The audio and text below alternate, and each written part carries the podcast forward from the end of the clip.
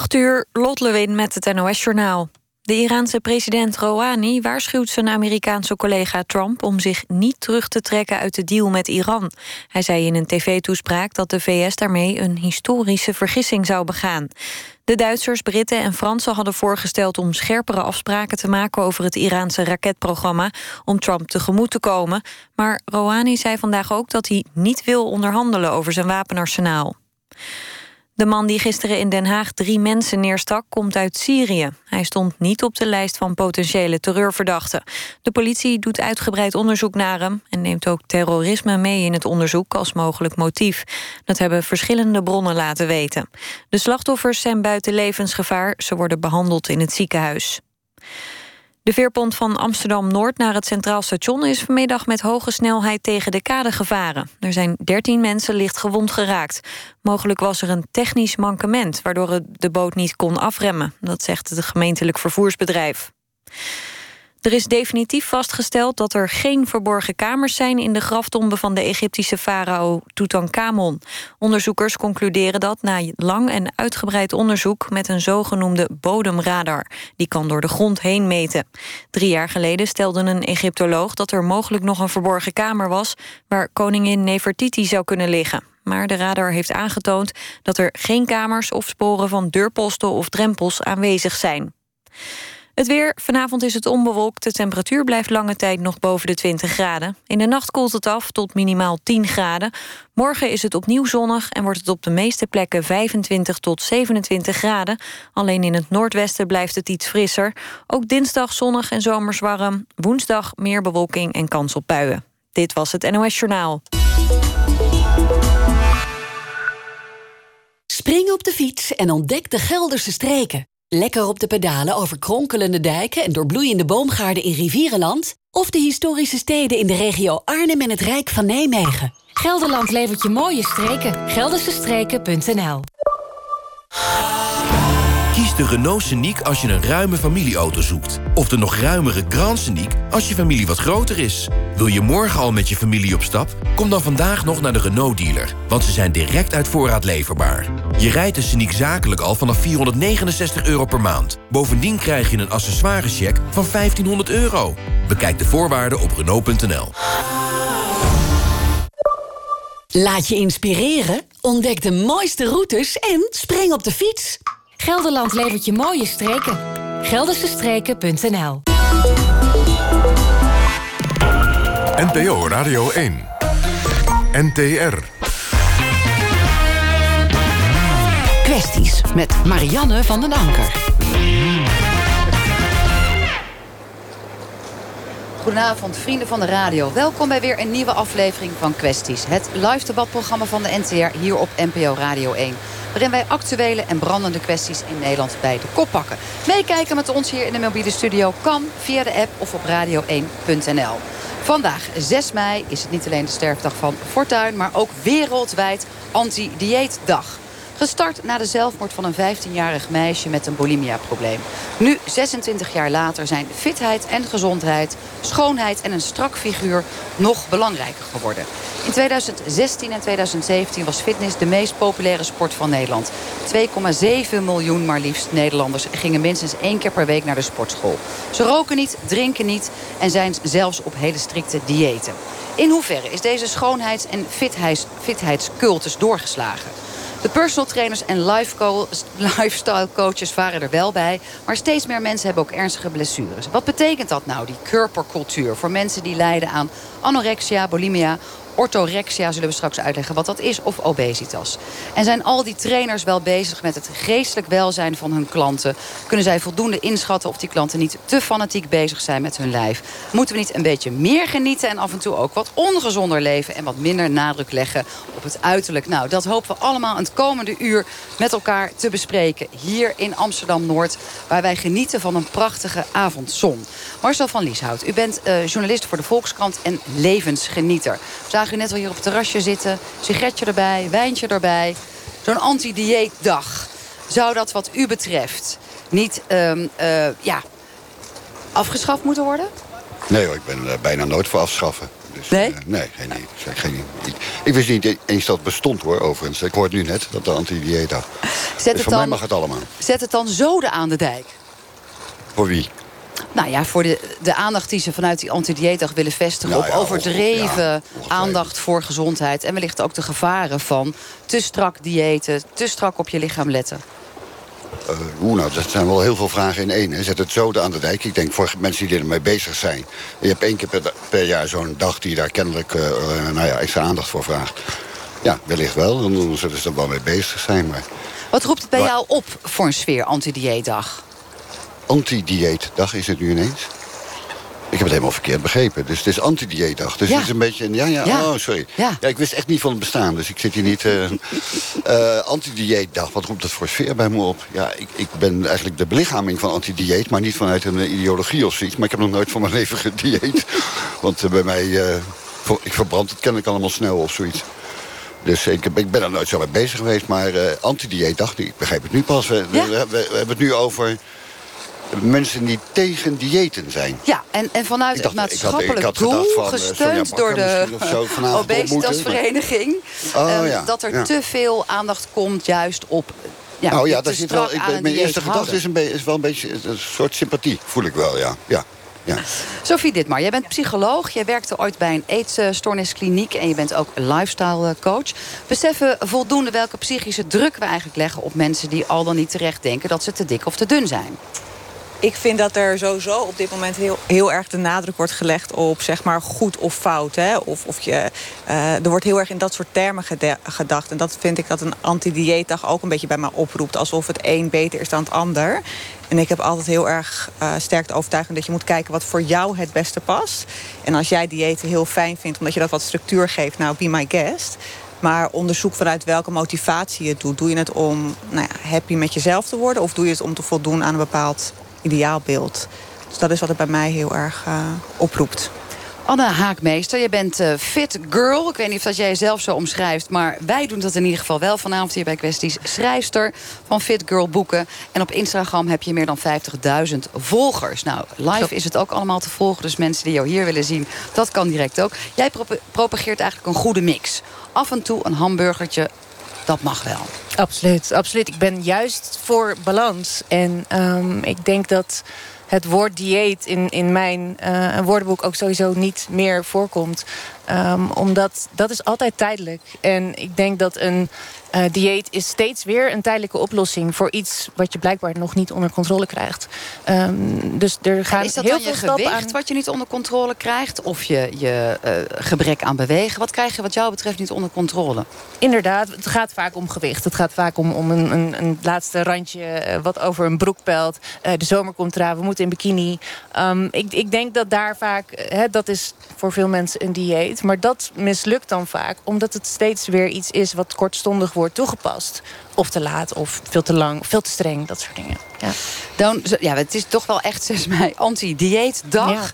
Ja. Um, helpt dat dan wat jou betreft als een soort relativering tegen al dat gestres en dat fanatieke lijnen en die strakke uh, planning die je met diëten nou eenmaal te volgen hebt? Ik denk dat het goed is. Ik denk dat het goed is, zeker ook voor uh, jongere meiden. Um, dat zijn veelal meiden die ik coach in mijn uh, team fanatiek. Die um, mogen er best eens bij stilstaan. Dat meer balans en jezelf ook gewoon wat gunnen. En niet de hele week heel streng doen met voeding... en dan in, in het weekend helemaal losgaan. Dat is geen, daar zit geen maat in. En uh, nou, misschien is zo'n dag best wel een oplossing daarvoor. Ja. Sophie Ditmar, om even terug te komen bij jou. Hoeveel sport jij? Ik ben nu weer begonnen met een bootcamp twee keer in de week. Uh, en daarvoor zwom ik één tot drie keer in de week. Maar ik heb niet degene... Mijn broertje en mijn moeder zijn echt fanatieke sporters. Die houden ervan. Die hebben ook echt een super strak lichaam. En ik... Vind je dat je zelf geen strak lichaam ik hebt? Ik heb geen strak lichaam. Nee, ik ben niet meer... Nee, ik ben, ik ben slank, maar ik ben niet afgetraind. En het zit ook niet in mijn genen om het echt heel erg leuk te vinden. Dus ik doe het vooral ook omdat ik weet dat het ook voor mijn mind goed is om te sporten. Um, maar um, het is niet iets wat mij van nature heel erg uh, ligt, zeg maar. Dus voor dit maar hoe zit het wat jou betreft met het eten, met voeding? Hoe bewust ben je daarmee bezig? Um, dat is een dingetje, want ik heb zelf uh, heel lang een eetstoornis gehad. Dus eten. Uh, het begon met anorexia en uiteindelijk is het bulimia geworden. Dus echt eetbuien en dan dagen niks eten. Ik heb nooit overgegeven, maar wel heel heel erg streng zeg maar, volgens weer op mijn eten letten... om dan uh, nou ja, het gewicht weer te verliezen. Werkt ook heel goed voor een hele lange tijd. Maar op een gegeven moment werkt dat niet meer. En dan kom je eigenlijk in die frustratie. Wie, wie had dat door in jouw omgeving? Nou, gek genoeg. Ik heb uh, twee jaar terug een foto gepost van 2008 en van uh, twee jaar terug. En dat scheelde 10 kilo. En mijn moeder belde me op en die zegt... zo, jeetje, wat was jij ontzettend mager. Ik heb het helemaal niet doorgehad in die tijd. En ik had toen ook al een vaste relatie met dezelfde man met wie ik nu ben. En niemand had het eigenlijk zo heel erg door. Want je kan dat best goed verbergen. verbergen. En uh, als je natuurlijk elke dag met iemand bent... valt het ook niet zo heel erg op als iemand steeds dunner wordt. Um, en de eetbuien heb ik heel lang gewoon verborgen gehouden. Mensen wisten wel dat ik soms een beetje kon doorslaan. Maar wat ik dan achter gesloten deuren deed, dat... Uh... Dus je had een stiekem uh, eetbuienaanval. Ja. En je had stiekem daardoor ook een ziekte eigenlijk ontwikkeld... Ja. die we dan bulimia noemen. Ja. ja. Um, waarom wilde je eigenlijk zo slank zijn? Dat is een goede vraag. Ik uh, denk dat ik altijd... Ik ben op een gegeven moment heel erg afgevallen. En toen kreeg ik een soort van bevestiging dat dat goed was. Weet je wel? Je kreeg van mensen horen, oh, het ziet er goed uit. En dan krijg je een soort van idee. Je wordt eigenlijk geconditioneerd dat slank zijn het juiste is. En op een gegeven moment wordt dan dat je maatstaaf. En denk je, oké, nou, als ik slank ben, dan ben ik goed. Ik, ik zat gewoon niet goed in mijn vel. En ik had niet het zelfvertrouwen wat ik nu heb. Waarbij ik weet dat mijn gewicht helemaal los staat van de persoonlijkheid wie ik ben. Maar als je wat jonger bent en uh, ja, een andere fase van je leven... is dat anders, ja. Eetstoornissen. Nou, dat heb jij in ieder geval op tafel gelegd. Je bent er ook open over. Tim mm. de Visser, we hebben jou nog niet uh, uh, aan het woord gehad... maar we kunnen jou wel zien. Zeker ook de mensen die ons live volgen. Supermooie lichaam, strak afgetraind. Uh, je gaat geloof ik voor de 160 kilo met powerlift binnenkort. heb jij een eetstoornis? ik heb zelf geen eetstoornis. ik ben wel vooral veel met mijn voeding bezig. Ik heb vanmiddag ook nog gekookt voor de hele week. Uh, bakjes, alles ingevroren. Uh, zodat ik uh, goed voorbereid ben. Laat me raden, kip, rijst en groenten? Ja, ja dat is heel juist. Ja. Ben je obsessief bezig met dat eten? obsessief. Ehm, dat je het een beetje dwangmatig is, dat je het heel erg onder controle wil hebben? Het is, eigenlijk geeft het mij motivatie om eigenlijk het stuk waar je vooruit naar kijkt. Het is ook een stuk mentaal. En het geeft je gewoon heel veel uh, motivatie uh, voor dat, het eindresultaat. Ja, maar zeker zou je niet spreken van een eetstoornis. Jouw vader is ook nee. hier aan boord. Klopt Onno de Visser, u bent ook personal trainer. Ja. Um, zelf een eetstoornis? Nee, ik heb geen eetstoornis. Nee. En hoe vindt u dat uw zoon omgaat met zijn voeding? heel gedisciplineerd. ik kan niet anders zeggen. Het is, het, het is niet een, een obsessie. Het is echt een motivatie om een bepaald doel uh, te bereiken. Een middel om lekker gezond en sterk ja, en ja, krachtig ja, te zijn. Ja, de, dat hebben we binnen het bedrijf. Zeg maar. We werken samen binnen hetzelfde bedrijf. Ik ben zelf mental coach. En alles moet in balans staan. Dus uh, moet eerst uh, stap voor stap moet het in balans gebracht worden. Zowel het mentale gedeelte als het fysieke gedeelte. Ook uh, hier in de bus is uh, Ashken Hora Adema. U uh, ziet er prachtig uit. En dat zeg ik niet alleen omdat u hele mooie sieraden hebt. Maar Dank ook je. Je zal zo hele mooie zo. ja, wilderige haardos. En nou ja, prachtig in, in uw pure zijn. Niet opgemaakt. Ziet er echt heel stralend Dank uit. Dank je wel, wat lief. 54. ja. Mental coach, moeder van drie kinderen. Hebt u een eetstoornis? Of ik gehad? heb een eetstoornis uh, ontwikkeld vanaf mijn vijftiende ongeveer. En uh, we hadden net even, voordat het programma begon... erover dat, dat je daar nooit helemaal van afkomt. Maar het heeft niet meer invloed op mijn gedrag. Het heeft wel soms invloed op wat er in mijn hoofd omgaat. Dus daar kan ik ook niet over praten. En dan weet helemaal niemand het. Maar uh, ik vind het bijvoorbeeld nog steeds heel vervelend om bij mensen thuis te eten... die dat niet van mij weten. En je moet me echt niet een bord pasta voorzetten. Want dan, dan ga, loop ik gewoon weg. Mm -hmm. ga ik gewoon echt niet eten. En welke eetstoornis uh, had u? Wilt u daar zo Nou, heel vergelijkbaar met Sophie. Gewoon mm. uh, heel veel controle. Uh, maar, maar vooral, en voor mij is de eetstoornis ook niet zo belangrijk wat je dan eet. Het gaat erom of dat je er de hele dag mee bezig bent. En of, nou, of je nou wel of niet eet of kotst of niet kotst. Ik bedoel, whatever. Je bent niet vrij. En daar gaat het over. Dat is ook onderdeel van de mental coach praktijk die je nu hebt... om ja, wel ik, vrij ik te vind, zijn. En ik, moest, ik ga even een knuppel in het hoenderhok gooien. Ik heb zo'n hekel aan het woord balans... Um, ik heb echt een bloedhekel aan het woord balans. Want balans is iets wat gewoon per definitie niet in je leven is. Uh, uh, je, je kan niet in balans zijn iedere dag. Je kan er wel naar streven. Maar ik denk juist dat het omarmen van het besef... dat je nooit altijd in balans bent... ook het goed en kwaad of het slecht en niet goed... dat de labels slechte dag, goede dag, niet mm. in balans zijn... dat dat de verkramping veroorzaakt waar we met z'n allen in zitten. En anti-dieetdag, uh, ieder dieet is per definitie een verkramping. En dat is ook wat ik, waar ik heel erg voor sta. Is het ontkrampen van wat goed en slecht is. Want in principe is alles oké. Okay. En dat klinkt heel gek als je zelf gezond eet en veel sport. Maar op het moment dat iets niet mag, wordt het ontzettend aantrekkelijk. Ja, ja, ja. Dus dat, echt, is over ik, ik, dat hele de... woord balans mag er van mij uit. Gewoon weg. Nou, dat, uh, ja, Anne, dat zou je... Even nog terug niet. naar Arsken. Wat, heb Ja. jij, uh, wat heb jij gedaan om jouw eetstoornis te stoppen? En, en, en op welke leeftijd was dat? Oeh, ik ben um, terechtgekomen bij de anonieme overeters. Met een hele lange omweg. En ik weet nog heel goed mijn eerste keer dat ik daar zat. Dat ik dacht, jezus, what a bunch of losers. Hier hoor ik niet bij. Zeg gewoon hoe ik vijf kilo moet afvallen. Mhm. En dan ben ik hier heel snel weer weg. En toen begonnen ze ook nog over character defects en zo. Ik weet niet, dat is heel Amerikaans. Maar het heeft echt mijn leven veranderd. Uh, ik, echt, uh, ja, ik kan dat iedereen die luistert aanraden. De, de 12-stappen-programma. Net als eigenlijk met die verslaving aan alcohol. Hè? Dat gaat ja, ook in 12 alcohol, drugs, maar ook relaties. Uh, hey, ik, ik, dat, dat onvrij zijn is, in mijn geval was dat voedsel. Maar wat je ook ziet is op het moment dat je dan de ene verslaving oplost... kies je eigenlijk onmiddellijk voor een andere. In mijn geval was dat dan stoere, slechte mannen.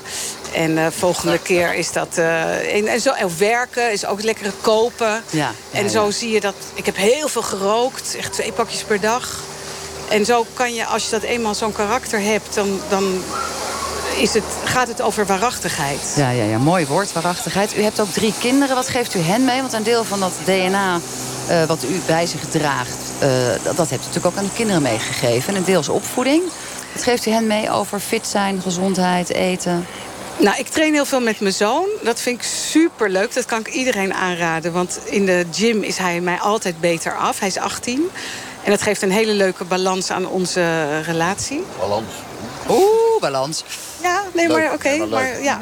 En um, um, ik geef ze vooral mee... Nee, het geeft niks. Ik geef ze vooral eigenlijk mee dat alles oké is. Alles, alles, alles. Ook als je een keer niet goed voelt. En ook als je je lelijk voelt. Maar zijn En er ook- dan geen normen thuis? Uh, de norm is dat je eerlijk bent naar jezelf. Mhm. En dat je niet iets probeert te zijn wat je niet bent. Anne Haakmees, we hadden het net over eetstoornissen. Heb jij daar een te pakken gehad ooit in je leven? Dat, ja, er is een, uh, uh, dat heet een eetstoornis uh, NAO, niet anders omschreven. En ik denk dat dat een klein beetje hetzelfde is. Ja. Dat stond er in ieder geval op het papier. En het is gewoon um, uh, een, een, een, niet, een ongezonde manier van omgaan met voeding. Dus er, er zo een die jou in die mate belemmert in jouw dagelijkse leven. Dat zijn dus best wel forse verhalen die jullie hier allemaal hebben gedeeld over eetstoornissen. Um, jij hebt in ieder geval ook heel veel volgers op Instagram.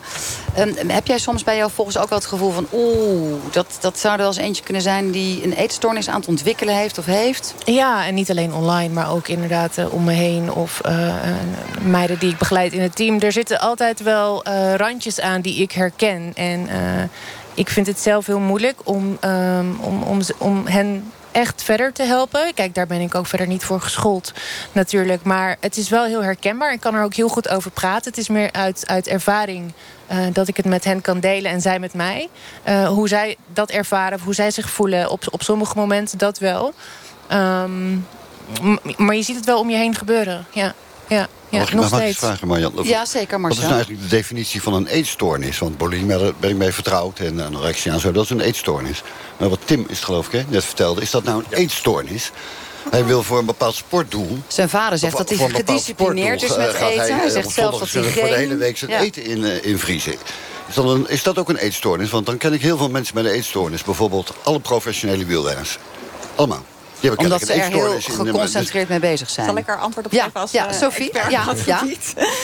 In mijn definitie, en dat is eigenlijk ook wat je in de DSM terugziet... op het moment dat je ook echt je leven gaat beperken... in dusdanige mate dat je er last van hebt... dat je niet meer kan studeren of dat je niet meer je werk goed kan uitoefenen... dan spreek je over een eetstoornis. Als ik nu tegen jou zeg van kom, uh, we gaan iets heel erg leuks doen... en dat jij eigenlijk alles op alles neemt. Ik moet per se trainen. Dat, dat je nooit meer iets leuks in je leven doet... omdat je alles op alles zet voor het trainen. En je lijdt daaronder, onder het feit dat je geen sociale contacten meer hebt... dan nou, gaat het Dat lijkt mij dan een voorwaarde. Tim, Tim lijkt helemaal niet aan, uh, aan Tim vragen. Nee. Tim lijkt, maakt Pas jij in deze DSM-omschrijving... wat de DSM is natuurlijk het, het, het, alfabet... waarin alle ziekten staan beschreven die internationaal zijn erkend. Pas je daarin? Uh, ik pas daar uh, eigenlijk ook wel in. Ja, ja. Uh, vooral heeft het... Heeft het, en gewoon misschien een andere vraag. Ga jij wel eens met dat strakke dieet wat je hebt... en dieet is meer hè, jouw middel om zo gezond mogelijk te presteren. Je hebt ook binnenkort, heel leuk om even te melden... het Nederlandse kampioenschap powerliften waar je aan mee gaat doen. het wereldkampioenschap. Is het voor jou dan nog wel te doen om met vrienden bijvoorbeeld even een avondje uit eten te gaan? Of blokkeer je dan uh, daarin? Ik heb er altijd tijd voor, wel. Ja. je, ja. En wat eet je dan? Ik maak daar zelf ook wel, uh, wel tijd voor vrij. En uh, sociale contacten.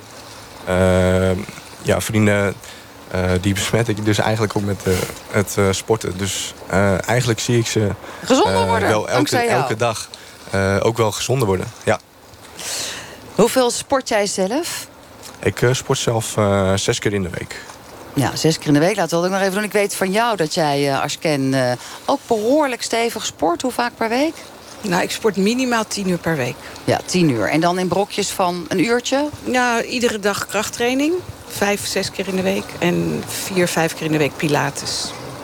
En jij, Anne Haakmeester, hoeveel sport jij per week? Momenteel, ja, soms drie keer, soms vijf keer. Soms een, een week is het gewoon te druk en, en, lukt het mij ook echt niet. Ik probeer wel iedere dag iets te doen. Maar um, in het verleden wel ook zes keer per week, geloof ik. Soms twee keer per dag, toen in de wedstrijd tijd. Ja, en jij, uh, en jij Sophie? Ja, wat ik net al vertelde, twee keer in de week ja. is nu bootcamp. Maar het is niet, ik heb niet wat jullie hebben, dat ik, dat, dat ik daar blij van word. Het is voor mij echt iets wat ik doe. Omdat ik ook weet, ik geloof heel erg in de body, mind en soul. Dat je al die, ik ben heel erg op soul en mind heel erg uh, ontwikkeld, zeg maar. Ik mediteer heel veel, ik doe allemaal dat soort dingen. En ik voel wel dat ik ook met mijn lichaam wel ook iets moet doen... om ook die mind en soul nog hoger te krijgen. Maar het is niet dat ik er daar zoveel voldoening uit haal als de andere vrouwen. Mag ik daar iets op zeggen? ja, als Want, uh, dat, ik heb, ik, I'm on your side. Ja. Ik heb tot mijn vijftigste niks gedaan, maar echt gewoon letterlijk nauwelijks mijn ene been voor de andere gezet. Ik doe ook alles met de auto nog steeds. Ik ben echt verslaafd aan mijn auto. En maar toen ik 50 werd, toen dacht ik, wat wil ik nou echt? Ik heb alles wat mijn hartje begeert. Wat, wat zou ik nou nog echt willen? En steeds kwam maar boven... ik wil zo graag heel fit zijn. Hmm. Zo fit dat ik zo iemand als Tim, Tim? eruit sport. En dat duwde ik steeds weg. Want ik dacht, ja, maar dat kan niet. Het was een beetje alsof ik zei, ik wil blond haar met blauwe ogen. Dat, dat kan niet. En toch heb ik op mijn vijftigste verjaardag een jaarabonnement van de sportschool gekocht. Tot afschuw van mijn man. Want die had echt zoiets van duizend euro en je gaat toch nooit. Ik ben op school wel meteen ook het duurste ik ben abonnement echt genomen. uitgelachen. Echt, nou ja, whatever. Maar Ja. een jaar is heel snel. Het was minder, maar zoiets. Maar ik ben echt uitgelachen vroeger op school. Mijn gymjuf heeft ooit tegen mij geroepen... mevrouw Rood, als ze nog leeft... ik snap niet dat jouw ouders van je kunnen houden. Zo, s- ja, maar zo slecht was ik in sport. Ik kon Dat geen bal vangen. zeggen. Dat hoor je nooit te zeggen Nee, maar, bedoel, zo, nee, maar echt waar, ik was zo slecht in sport... dat ik vergalde iedere gymles voor haar. Maar dit is wel ook echt... eh, Daar kunnen we een andere uitzending over maken. Ja. Over hoe je jongeren begeleidt als eh, docent. Overigens, Tim, jij zegt meteen... dat hoor je niet te doen, want jij hebt ook SIOS buitensport gedaan. eh, geeft ook training. Volgens mij zijn er heel veel Ja. mensen die training Ja. geven. Eh, zoiets hoor je niet te zeggen natuurlijk tegen een kind. Wat dan wel? Eh, ik vind dat je zoiets nooit hoort te zeggen. Want dan kun je dus ook hè, mensen krijgen die dus ook wel eh, zelfmoord kunnen gaan plegen. En dat is het ergste ge- geval eigenlijk. Nou, dat is natuurlijk ook de Eh, aanleiding voor maar- die Wereld Anti-Dieetdag. Dat er mensen zoveel stress hebben om er maar goed uit te mogen, moeten Ja, zien. ja. Dat die druk zo enorm toeneemt. Dat mensen inderdaad overgaan tot het plegen Je kunt het op een eh, andere manier kun je het zeggen. Ja.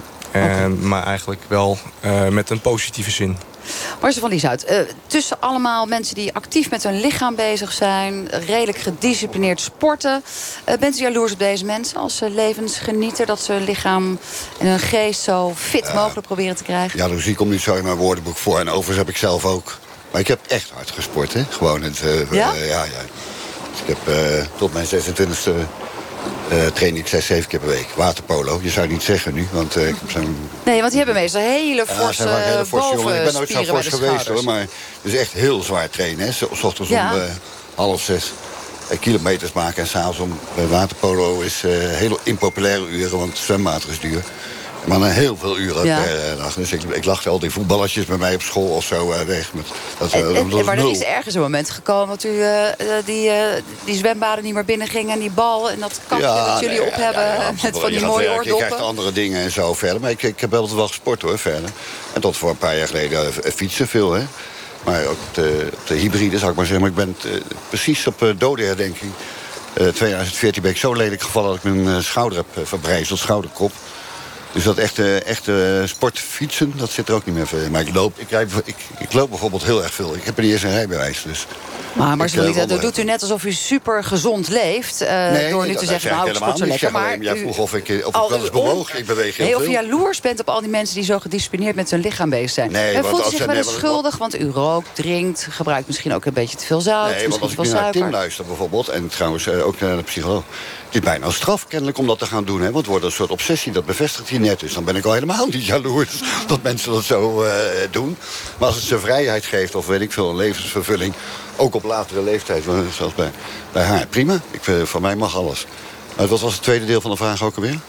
Of ik, dat ik... Of je wel eens schuldig voelt over, richting jezelf, richting je eigen lichaam. Nou, dat nee, je er zo mee nee, omgaat. Nee, nee, want daar, daar ging mijn... Ik, ben, ik zit hier uh, uh, ik ben hier uitgenodigd, geloof, geloof, ik, vanwege een stuk van mij in de Volkskrant een paar weken geleden. Ja. Met als kop, uh, heb ik nog recht op.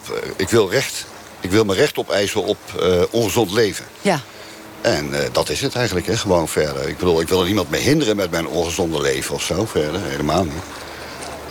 maar ik word, word wel een beetje dringen geblazen hè, met al die missionarissen die, die elke dag aan de kop zeuren. En volgens mij ontstaan ook heel veel. Sterker, dat wordt net bevestigd door de psycholoog heel veel van die ziektes, als het werkelijk ziektes worden... dat komt nu juist door die externe druk, hè? Dus die, die, voel ik niet. ik bedoel... Maar Marcel, jij wil uh, met dat artikel het dicht bij jezelf houden. Hè? Ik wil uh, mijn eigen recht houden om ongezond te leven. Ja. En tegelijkertijd pak je het ook breder op. Je zegt, ja, en in de maatschappij is natuurlijk wel van alles aan de hand... met, dat, met die lichaamscultuur en allemaal sporten... en allemaal aan de chiazade. Nou en allemaal... We spreken nu voornamelijk uitwassen tot dusverre, toch?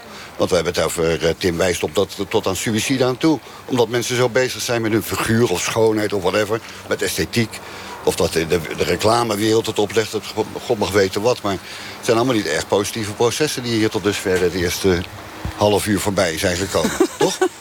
Maar wat, wat, wat, wat, want jullie hebben allemaal ook die specialiteiten. Jullie zijn ook allemaal coach, trainer, begeleider. Uh, of heel populair op Instagram, of mental coach. Nou, noem het allemaal maar op.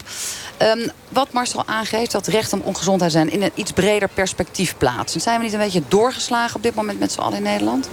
Kijk jou even aan als ken. Ja, ik denk dat als je jezelf echt lief vindt... dan wil je niet meer slechte dingen doen. En dat dat gewoon niet is... Ik geloof ook niet dat het een obsessie is van jou. Het is gewoon op dit moment een fase waar jij in zit...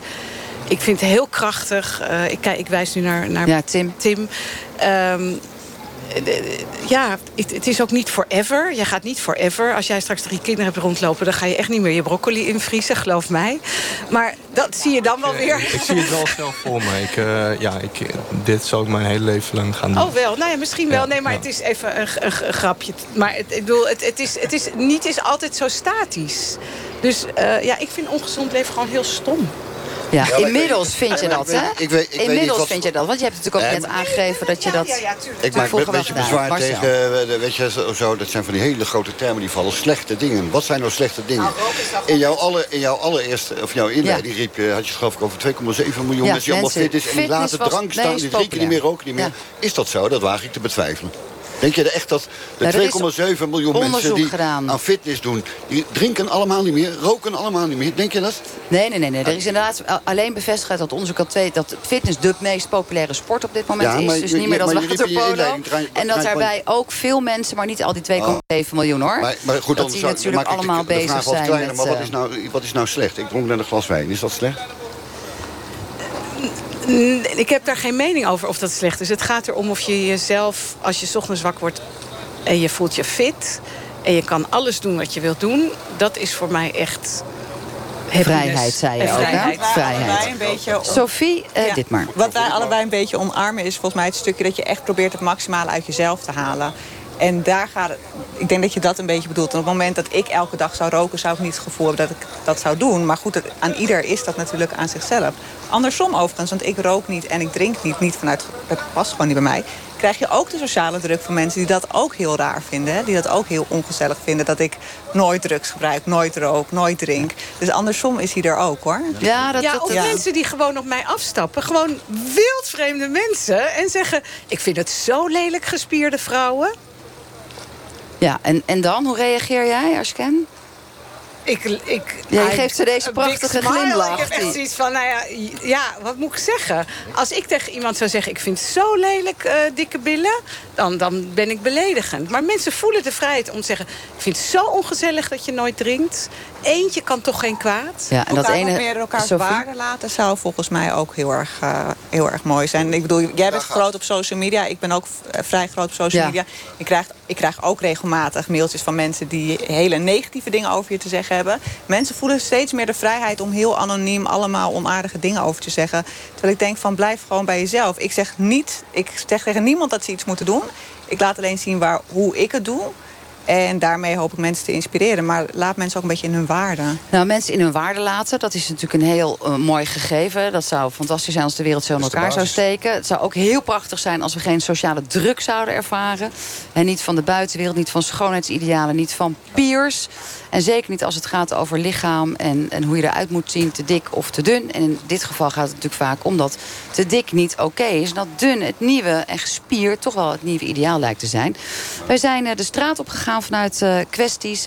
En hebben gevraagd aan mensen of die sociale druk over uiterlijkheid en fitheid niet te groot is. Ja, ik denk wel dat die te hoog ligt. Um, vooral onder de jonge meiden. Uh, we zien overal het beeld van het perfecte lichaam, gezond leven. Uh, en ja, ik denk niet dat dat heel goed is. Ik vind dat de sociale druk niet, nee, niet te groot is. Dat ieder bepaalt voor zich. Ik denk wel dat dat echt een uh, dingetje is. Je ziet het ook gewoon overal voorbij komen op social media. En je ziet buiten overal ook gewoon reclame voor gezondere leefstijlen en zo. En dat beïnvloedt je wel als je dat zoveel om je heen ziet. Als ik naar mijn dochters kijk, dan uh, vind ik dat die best wel door hun leeftijdsgenoten uh, onder druk gezet worden. Dat moet allemaal, iedereen moet eruit zien als een Barbie bij wijze van spreken. En ik denk wel dat die groepsdruk daar een grote rol bespeelt. Ja, groepsdruk toch een grote rol eruit moeten zien als uh, Barbie. Vooral door leeftijdsgenoten. Het gaat er nogal fors aan toe. Ik zie jou, Anne Haakmeester, instemmend knikken. Maar wat kunnen we daar dan aan doen aan die sociale druk? Want die is gewoon toch wel te groot. Of zeg je nou, het valt wel mee? Nee, die, ik geloof ook wel dat die, dat die uh, groot is en nog steeds. Wat ik uh, grappig vind ook uh, in mijn online community, laat ik het zo zeggen... waar veel van mijn werk, werkzaamheden ook zich, zich afspelen... is dat, um, moet ik toch het woord balans gebruiken... maar je snapt wat ik bedoel... is dat het van um, extreem fit zijn en extreme gezond, gezondheid na het streven... is het wel weer wat aan het teruggaan naar... Um, die waarschuwingen op tv en waar dan ook zijn hartstikke goed. Maar iedereen is wel wat meer bewust van... Pff, mogen we ook heel even gewoon normaal doen. Dat denk ik. En, en dan past jouw opvatting over dat ene hamburgertje... moet toch wel kunnen er, ja, er ook of twee of drie, ja zeker. Ja. Ja, ja, ja. Sophie, uh, vanuit jouw vakgebied als, als psycholoog ook... en ook uh, vanuit jouw, uh, nou, jouw, jouw werk, jouw professie... Mm. waarin je nu mensen begeleidt. Die sociale druk, um, zie jij, herken je het? Ik zie het heel erg, want ik uh, begeleid nu vooral vrouwelijke onderneemsters. En zeg maar, het zichtbaar worden op social media vinden vrouwen heel spannend... omdat je dan ook weer kwetsbaar opstelt en mensen daar van alles over vinden. Uh, en ik droom dus ook van een heel ander schoolsysteem... waarbij we kinderen van jongs af aan ook al leren naar zichzelf te luisteren. We worden zo geconditioneerd om te luisteren naar anderen... en dat we eigenlijk niet meer goed kunnen voelen wat we zelf voelen. Als we ons kinderen gaan leren te voelen wat ze werkelijk voelen... dan, kun je, dan voorkom je dit soort dingen ook. Want dan ben je veel minder kwetsbaar voor groepsdruk. Maar dat, worden we, dat leren we niet op school. We leren wiskunde, we leren taal. Mhm. Maar we leren niet te voelen wat we werkelijk voelen. En ik denk dat als we daar een shift in kunnen maken... dat we ook het hele gewichtsprobleem... ik zet even tussen aanhalingstekentjes... ehm, nou ja, kunnen, een stuk kunnen tackelen. Een gewichtsprobleem. Je ziet ook in Nederland, we hebben het nu over zeg maar, doorslaan met, met fit en gezond zijn. En hè, te overmatig sporten en te obsessief met je eten bezig zijn. Nederland is niet het meest gezonde land hè, als we naar de cijfers kijken. Dus we zouden met z'n allen nog wel wat gezonder kunnen worden. Die uh, andere kant van de zaak. Merk jij daar, Tim, um, um, in je werk ook, ook, en hoe je met anderen omgaat, iets van dat, dat er veel aandacht is voor juist gezond willen zijn zonder die hele pressure om te moeten presteren? Uh, gezond willen zijn voor die hele pressure. Uh, ja, ja maar dat komt ook zoveel voor uh, op Instagram. En iedereen uh, die wil maar eigenlijk lijken op, op iemand. zoals Barbie natuurlijk. Ja, en bij, en bij jongens, jullie moeten toch ook allemaal, of mannen... allemaal die sixpack en de ene foto naar de volgende... die wordt getoond met weer een wasbordje, zes vakjes vol, acht vakjes vol. Ja, ja, dat klopt inderdaad. Ik vind uh, dat die druk wel wat, uh, wat minder mag. En hoe kun je, want jij bent een topsporter, je wordt wellicht wel uh, het nieuwe idool ook voor veel mensen. Zeker als je die wereldkampioenschappen straks ook gaat halen met dat powerliften. En hoe ga je dan met die voorbeeldrol bijvoorbeeld om die jij hebt als topsporter? De voorbeeldrol. Ehm, eigenlijk ja, heb ik eigenlijk een plaatje zelf hang ik op. dat kan je dus visualiseren. Je kunt dus alles, hè, mensen zijn visueel. Dus je kunt alles visualiseren. En daardoor ga je dus kijken naar het plaatje. En zet je, schrijf je dat op van dit wil ik. En die datum wil ik dat gaan bereiken. En zo je bent een beetje bezig met dat neurolinguistisch programmeren. Maar wat ik eigenlijk bedoelde is hoe jij anderen in je omgeving mee kan nemen... zonder die sociale druk om normaal, gezond te zijn. En niet obsessief en overdreven en te veel ermee bezig. Uh, op deze vraag kan ik nog niet uh, beantwoorden. Nee, oké. Okay, Denk nog nee. even na. We hebben net ook al, Sofie, jij bracht dat op uh, de omgekeerde kant gehad... Hè, van, die, van die pressure, dat je niet eens meer een gebakje kan bestellen... of wat mensen je ongezellig vinden als je niet even een sigaretje mee rookt. Marileen Lauwers hebben wij aan de telefoon. Je bent eigenaar van vitaliteitscentrum Vita Tree en blogger. Um, ja, dit is wel een beetje jouw statement, hè? Ja, klopt. Ik herken me er inderdaad wel in. Wat maak jij zo mee op dit gebied met die, met die omgekeerde druk? Uh, nou, ik, werk, ik eet zelf anders, gezond. vanwege niet een uiterlijk doel, maar vanwege mijn gezondheid en, en, lichamelijke klachten. Dus ik heb ervoor gekozen om geen gluten en suiker en zuivel meer te eten. Dus ik moet vaak bedanken voor dingen.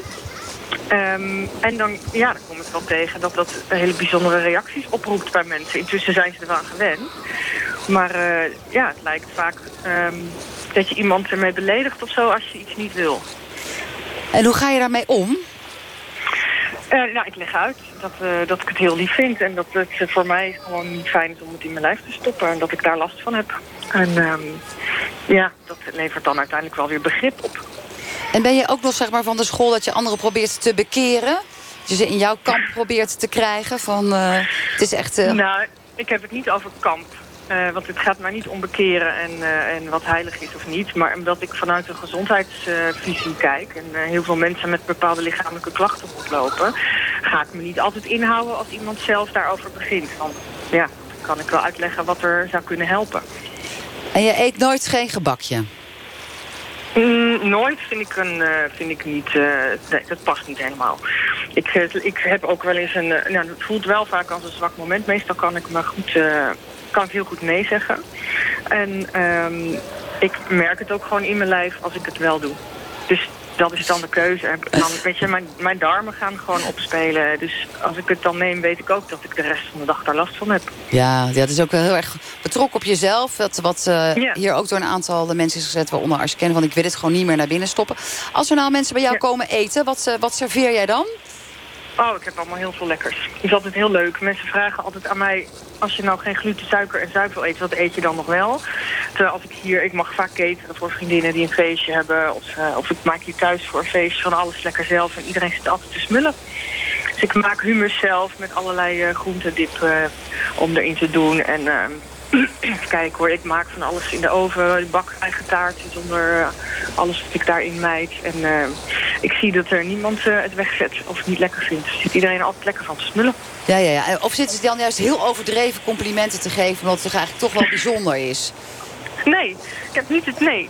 Sommige mensen hebben er ook helemaal geen idee van. Die vinden het gewoon lekker wat ik eet. En sommige mensen die heel erg van de zoet zijn... die, die, die kijken wel even raar als ze de minst zoete taart die ik heb staan dan opeten. Ja. ja dat is een kwestie van wennen. Marilene, we, we, zien natuurlijk eigenlijk de, de vegan restaurantjes... Uh, ook allemaal uh, de een na de ander popt op. Je kan eigenlijk zeggen dat dat een nieuwe trend is geworden. Um, Ben je daar zeg maar, vanuit jouw uh, invalshoek blij mee... dat er zoveel uh, aandacht ook in de horeca komt voor gezonde voeding? Ja, heel blij. Heel blij. Want ik moet altijd... Ik ben altijd die lastige klant die zegt... Um, heb je ook iets zonder nou, dat en dat en dat? Ze moeten altijd voor mij iets bijzonders gaan maken. Ik voel ze gewoon met rollende ogen naar de keuken lopen en tegen de kok zeggen... we hebben er weer één, in een restaurant waar ze daar niet op voor klaar zijn. En ik voel me daar niet fijn bij. En dus de, de tentjes die allemaal uit de grond poppen... met een biologische, veganistische, glutenvrije opties op het menu... ja, dan kan ik gewoon mag een bestelling doen die er al is. En jij wordt heel blij van. Ik zie Marcel, die natuurlijk, uh, Marcel van Lieshout... die in de Volkskrant heeft geschreven over... ik wil ook recht hebben om ongezond te leven. Wat vind jij van die trend dat al die restaurantjes... inmiddels iets glutenvrij, glutenarm, gezond, vegan, kikker, erwten, humus... weet ik het wat serveren? Nou ja, uh, indachtig wat zojuist werd gezegd. Prima toch, als, het, als mensen daar blij mee maakt verder. Valt wel mee, toch? Of uh, ontgaat mij wat? Kom ik in een verkeerde, verkeerde buurt? Nou, het is wel echt sprake van een soort hype... dat dat soort restaurantjes, of, of in ieder geval producten op de kaart... Uh, steeds nou verder toenemen. Als, je, als mensen daar, uh, er is kennelijk klanditie voor. En dat, uh, ik kan me voorstellen dat als je je inderdaad in de weg voelt zitten... Hè, wat zij net nota bene vanwege een bepaalde gezondheidsaandoening, geloof ik. Zo is het toch bij jou begonnen? Ja. nou ja, dan vind ik het prima. Zeg. Marilene, de vraag van Marcel is nog of jij het echt moest doen om een medische reden. Glutenarm, suikerarm. Nee, ik heb gewoon zelf oh. geschoold en ik heb opleiding gevolgd. En toen ik leerde wat ik daar leerde, dacht ik... Oh, oh ik dacht dat je in het begin hoorde zeggen uh, om gezondheidsredenen... dan ben ik dat gaan, uh, ben ik uh, ja. ja. Dus dan vandaar dat ik het... Jij dacht dat het een medische oorzaak had. Nee, maar, maar het mag dus allemaal wel. Maar ik hoop ook dat ik nog steeds van, die, van iedereen in een restaurant mag komen... waarbij ook als ik vraag om een zoutvaatje, dat doe ik vaak... zoutvaatje, dat ik dat ook krijg. En dat ik ook niet... Dan, dat er niet straks een sticker opkomt, u gaat nu gif eten. En die bedreigende ogen zie van zout, zout, dat is ongezond. Want ik, ik hoor allerlei nieuwe dingen. Wij zijn er niet zo'n gezond land vergeleken bij anderen. Ik zou, niet, ik zou niet weten hoe je gezondheid per land gaat meten. Ik zou niet weten, ik heb geen idee. Ja, er zijn wel cijfers van beschikbaar. Er wordt gekeken naar uh, geestelijke uh, toestand van mensen. De lengte van de levensduur of zoiets. Dat? Ja, dan, onder andere. kijk, als wij hier, we zitten nu in de stedelijke omgeving van Nederland. Hè. Als hier vlak achter één keer een echt cruiseschip gaat keren... en hij gaat voelt met zijn motortje even... Hè, zijn alle, alle milieueffecten van de milieuzone in één keer weg. In één keer, gewoon. In deze omgeving zitten wij dan verder. Dus ik kan me wel voorstellen dat in Lapland... ja, dat zou wel gezond leven zijn of zoiets, ja. Nou, er zijn wel cijfers bekend van. Het wordt gewoon geteld, er wordt onderzoek naar gedaan. Wat in ieder geval interessant is, jij pakt het stedelijk gebied erbij. Er is sprake in Nederland van uh, lage economische gezondheidsstaat. Het zijn mensen vooral die in achterbuurten wonen. Die leven zeven jaar korter en uh, meer dan twaalf jaar lang in minder goed ervaren gezondheid. Er zijn best wel wat cijfers van bekend. We, we groeien nog steeds met dat, de dikke kinderen. Ja, steeds meer mensen die depressief zijn. Vergeleken bij andere landen, ik heb geen idee. Uh, Nou, wat, wat, wat ik verwarrend vind aan dit gesprek... en uh, ik krijg net een WhatsAppje van mijn zoon die ja. daarop op wijst. Hij zegt, ja, gaat het nou over de druk van hoe je eruit ziet? Of gaat het nou over de druk van gezond zijn? Ja. En ik Allebei. vind dat een hele intelligente uh, commentaar van hem. Want het is natuurlijk zo dat uh, die hele fitness ook... eigenlijk niet zou moeten gaan over hoe je eruit ziet. Maar over dat je je er beter door voelt. En dan is gezondheid nog eens een soort van ver aan de horizon. Want uh, het gaat erom waar jij je gezond bij voelt. Ja. Ja, maar het gaat eigenlijk over allebei. Hè? Over je gezond voelen en gezondheid. Maar ook over de sociale druk die bij dat gezondheid Wat jij net kijken. zei, van elke dag uh, fit opstaan of zoiets. Ja. Maar dat doe ik eigenlijk al 61 jaar lang. Terwijl ik uh, Met sinds mijn 26e rook. Ja, precies. Ja. Haakmeester, jij bent natuurlijk uh, ook populair op Instagram. We hadden het net over die sociale druk. Steeds meer jonge meisjes, dat hoorden we ook voorbij komen. De mensen die we op straat hebben gesproken. Ik herken het ook bij mijn eigen dochters... die allemaal een beetje in die puberteit zitten. Het is allemaal heel erg gericht, ook voor de jongeren... op dat je er mooi uit moet zien. Dus de intelligentie lijkt steeds minder belangrijk te worden. Er wordt veel gepost, ook door jonge meisjes... over hoe ze erbij zien, hoe mooi ze zijn. Jij wordt vaak als voorbeeld uh, genomen. Uh, hè, want jij bent dan toch voor hen het, het doel wat zij willen bereiken... wat zij willen behalen. Hoe ga je daar zelf mee om? Ik vind dat zelf een, um, zeker als, nou ja, als, als influencer of hoe ze dat ook willen noemen, als je een groter bereik hebt online, is het denk ik, tenminste, ik vind het belangrijk dat ik um, uh, laat zien wat echt is, wat ik echt doe. En um, ik, ik denk ook dat jonge meiden, als, als je zo'n groot bereik hebt, waar dan ook, je hebt toch, vind ik, een voorbeeldrol. En je hebt er rekening mee te houden. Je kan niet zomaar dingen gaan roepen over hele lage uh, calorische diëten... of uh, wat dan ook, dat je drie keer per week of drie keer per dag sport. Um, en dat je er dan ook zo uit kunt zien. Of uh, van die fantastisch grote billenfoto's van ja. die meiden. Dat je... ik denk van, wat? Dat, ja, dat, het is, niet, het is gewoon vaak niet echt wat je ziet. En ik hoop heel erg dat vooral jonge meiden zich dat beseffen. Ja, dat, dat gefotoshopte, daar wil je natuurlijk niks mee te maken hebben. Jij zegt, wat ik post, uh, dat is ook heel erg puur. Tegelijkertijd wat jij post, en dat kunnen we hier ook zien... is een mooi afgetraind lichaam. Wat wel ook een product is van jouw hele Instagram-likes... en van jouw 50.000 volgers. Eens. Dat doe je natuurlijk ook gewoon bewust. Eens, en ik doe dat zeker bewust. Maar het is wel een keuze. En het is op dit moment een gezonde keuze, een bewuste keuze. En... Um, ja, het is wel, dat zie je ook wel vaker voorbij komen in comments. Ik, ik werk hier hard voor, dus mag ik het dan ook laten zien. Ik ben niet dat ik in een ondergoed of bikinis onwijs ingedraaid voor de spiegel helemaal meer gaan staan. Iedere dag, dat niet meer. Maar ja, ja. Ik, ik snap wat je bedoelt. En ik, ik snap ook dat dat wel een, een bepaalde uh, pressure misschien wel kan geven. Ik hoop alleen dat ik met mijn platform en mijn website... en, en, en, en boek ook dingen die ik zeg, schrijf of doe toch laat zien van... hé, hey, het is niet um, alles. Het is niet, dit is niet wat geluk gaat geven of, of dergelijke. Ja, en ja. ik denk dat we niet moeten stoppen met het laten zien op die manier. Want al wil je wel ingedraaid in je ondergoed daar staan. Het gaat erom dat we die kinderen uitleggen... dat, dat, dat je daar niet per se gelukkig van wordt. Eens. En dus het zit ja. veel. Ja, dat zeggen jullie allemaal eens. Hè? En tegelijkertijd weten we hoe het werkt. Die social druk is er. Er zijn steeds meer mensen die posten. En ook uiteindelijk gewoon uh, reclame maken voor hun eigen lichaam. Maar dat is altijd zo lichaam. geweest. Maar ik heb, ik heb laatst Sophie. een foto gepost van mijn cellulitis. Want als ik zo zit, zie je cellulitis. Ja, dat is ja. opkomend. Ja, maar dat, dat uh, maar, real laat ja, zien. heel, heel, heel walgelijk altijd. Ik, vond, ik schaamde me daar echt voor. Toen ik hem eenmaal had gepost, viel er zo'n druk van me af. Want heel veel vrouwen herkenden het. Maar aan de andere kant kreeg je dus ook weer te horen van... ja, maar nu krijgen we weer zo'n tegenbericht van maar vrouwen die dat gaan jij posten. druk om dat te laten zien? Waarom omdat, wil jij dat laten zien? Omdat ik ook veel volgers had die mij een soort van idealiseren. Weet je, uh -huh. die denken, oh, zij heeft alles Ja. voor elkaar. En ik wil laten zien van, nou, maar ik ben ook helemaal Ik heb niet ook perfect. putten in mijn ik heb ook gewoon cellulitis. exact. Om te laten zien dat het gewoon niet allemaal het perfecte Ja, maar, is. oh, maar wat jij post vind ik ook prima. Laat iedereen gewoon posten wat ze Tuurlijk. willen. Maar als ik dat wil Ja. posten om vrouwen het gevoel te geven van... weet je, het is ook oké. Uh, dat heeft, het staat gewoon compleet los van wie maar je bent. ergens heb jij dus uh, andere druk ervaren. Dat je dacht, ik wil dus niet dat schoonheidsideaal worden voor iedereen. Want het is kennelijk uh, ook niet realistisch. En Mm. mensen gaan zich daar ongelukkig door voelen. Dat is precies ja. waarom we natuurlijk ook dit programma vandaag Mm. maken. En jij kiest dan voor om te zeggen, nou, ik heb ook gewoon cellulitis. Ja. Ik laat mijn putten zien. Ja. Maar dat is wel als reactie op de sociale druk die je natuurlijk ja. ziet. En dat is iets wat ik dan twee of drie jaar heb geleden heb gedaan. Dus stond ik ook in een andere fase dan nu. Maar ook in mijn podcastshow. Ik laat altijd de, de, minder mooie kant en de mooie kant van mezelf zien. Ik laat ook mijn dieptepunten zien in mijn podcastshow. En mijn hoogtepunten. En allebei. Dus ook als ik me heel goed voel, ben ik daar trots op. En zeg van, wauw, ik ben, ik ben echt supergoed in dit. Maar als ik me slecht voel, zeg ik het ook. En daar gaat het over dat je gewoon mag zijn wie je bent. Op welk moment dan ook. Anne, laat jij ook Ja. je minder goede kanten zien? Ik geloof minder snel. Ja, ik ben ook geloof ik meer van het informeren. Dus ik vind het gewoon heel erg leuk en belangrijk om te vertellen over uh, wat je kunt doen met voeding, met training. Met, uh, het is meer, meer informeren wat ik doe.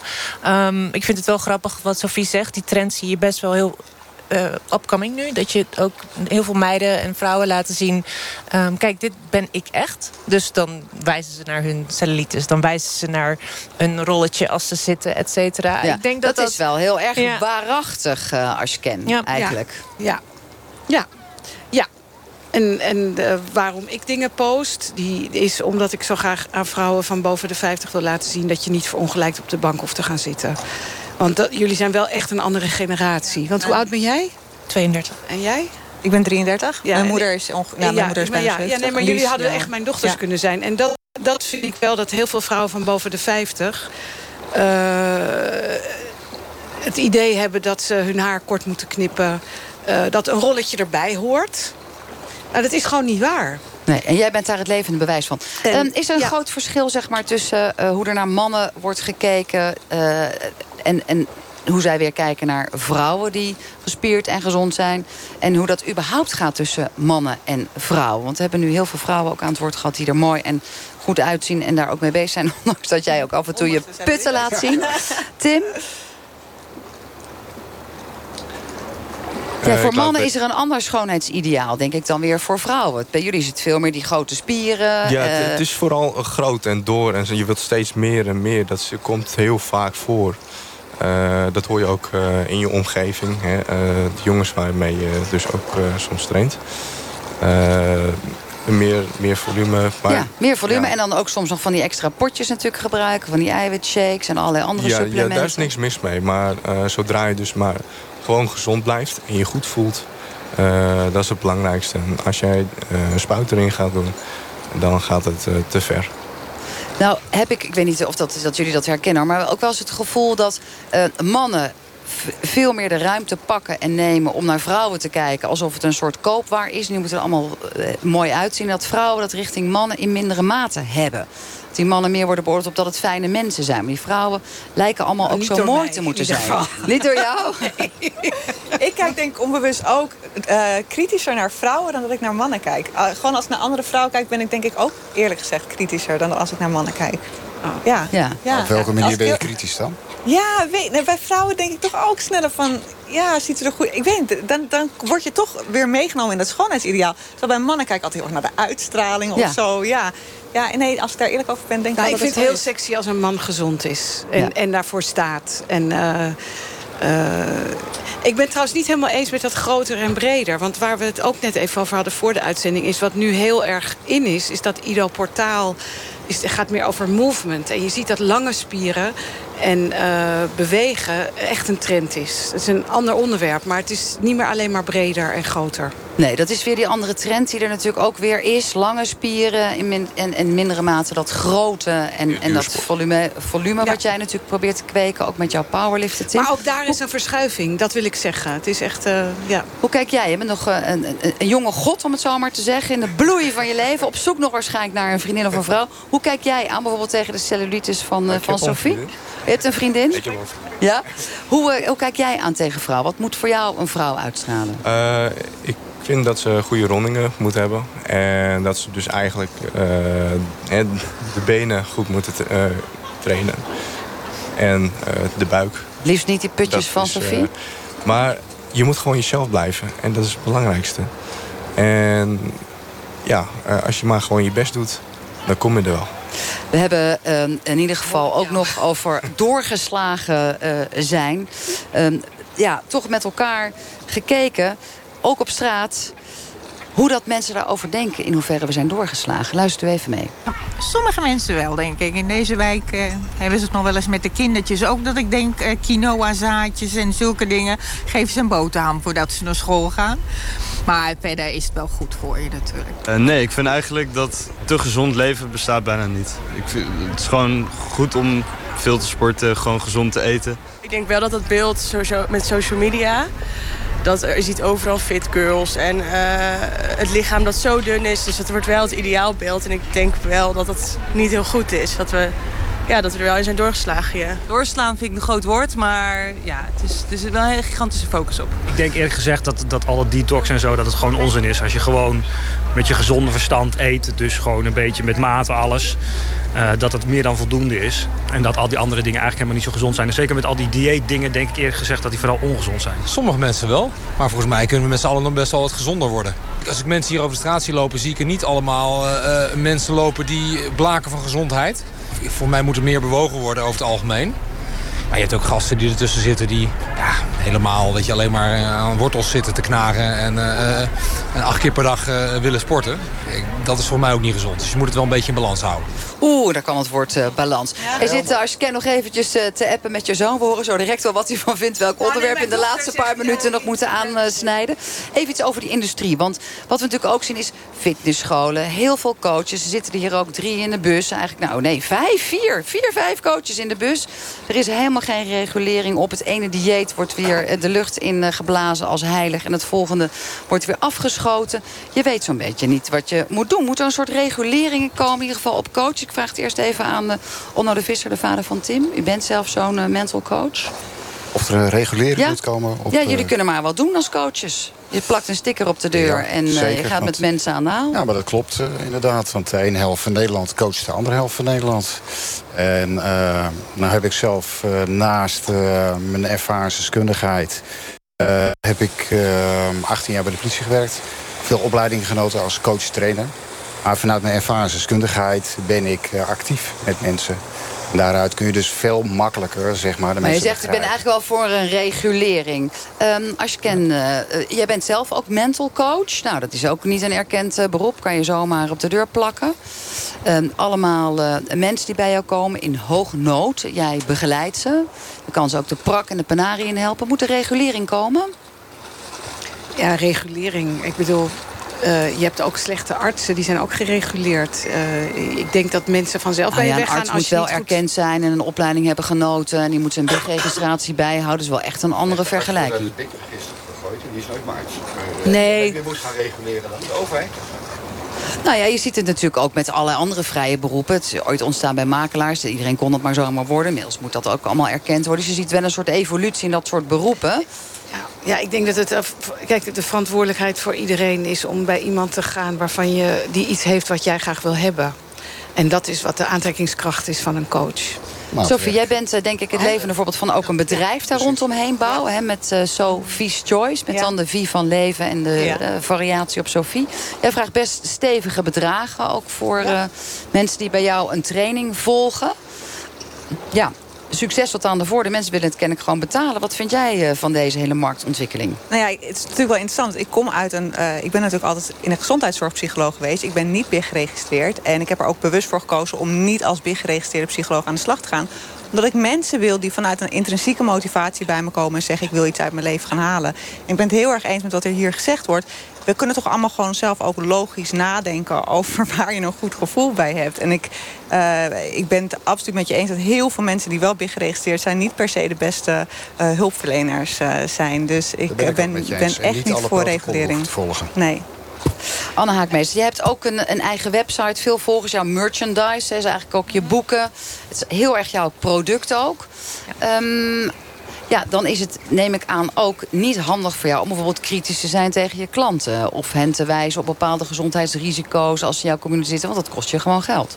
Nee, zeker wel. Ik ben er wel, wel duidelijk in. En, en het is wat mijn visie en mijn uh, manier van werken... dat is wat ik uh, hen meegeef en wil geven. En daar kiezen ze voor. Ik denk dat het wel redelijk bekend is voordat je coaching bij mij start... wat mijn visie is en werkwijze en hoe we het gaan doen. Dus daar, daar kiezen ze wel bewust voor. Dat is ja. de aantrekkingskracht, denk ja. ik. Ik kies ook, ik bepaal met wie ik wil werken. Ik ja. wil ook niet met iedereen werken. Uh, en dat filtert natuurlijk ook uit door bepaalde prijzen ja. of bepaalde voorwaarden. Dus ik zeg, dit is waar ik mee wil werken. Ik wil met gemotiveerde mensen werken. Nou, je vraagt de 1800 euro voor een, een, een cursus. Um, als iemand zich dan niet volgens jouw codes gedraagt, gooi je die er dan uit? Ik heb nog nooit meegemaakt. Want je investeert niet zo'n bedrag als je niet heel erg gemotiveerd bent. En ik heb een oh. prachtige community waar mensen zichzelf nou ja, nog meer ondersteunen. Nou, jullie horen de muziek al. We gaan ja. allemaal vrolijk verder en uh, gaan dit volgen. Wij zijn natuurlijk ook benieuwd naar uw mening. Dus discussieer met ons mee op onze Facebookpagina. Dit was onze uitzending van Kwesties. We zijn er volgende week weer. Blijft u luisteren, want zo direct is Radio Doc. Ik dank jullie allen. Laten we er een gezond Nederland van maken.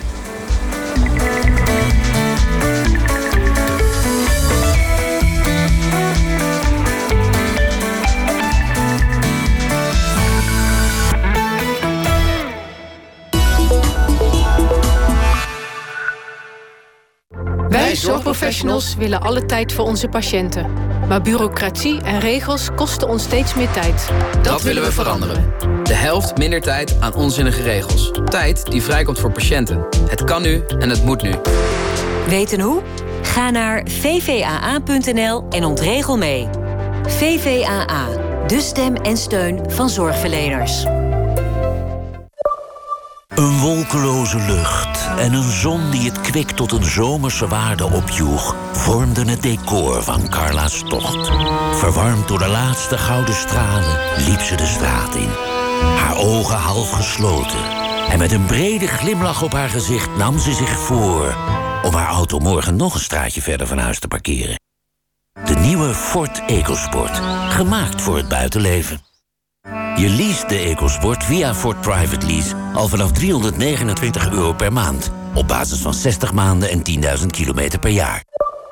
Mijn vader wil zijn vermogen duurzaam laten beheren. Maar nu vraagt hij zich af welke nieuwe groene bank daar geschikt voor is. Nou, toen kon ik hem vertellen dat zijn eigen bank, ABN AMRO Mees Pierson... juist een van de grootste in duurzaam vermogensbeheer is. Laat uw vermogen ook duurzaam beheren. Bekijk het rendement van onze duurzame portefeuilles op abnamro en bespreek met ons wat er mogelijk is voor uw vermogen. Beleggen brengt risico met zich mee. U kunt uw inleg verliezen.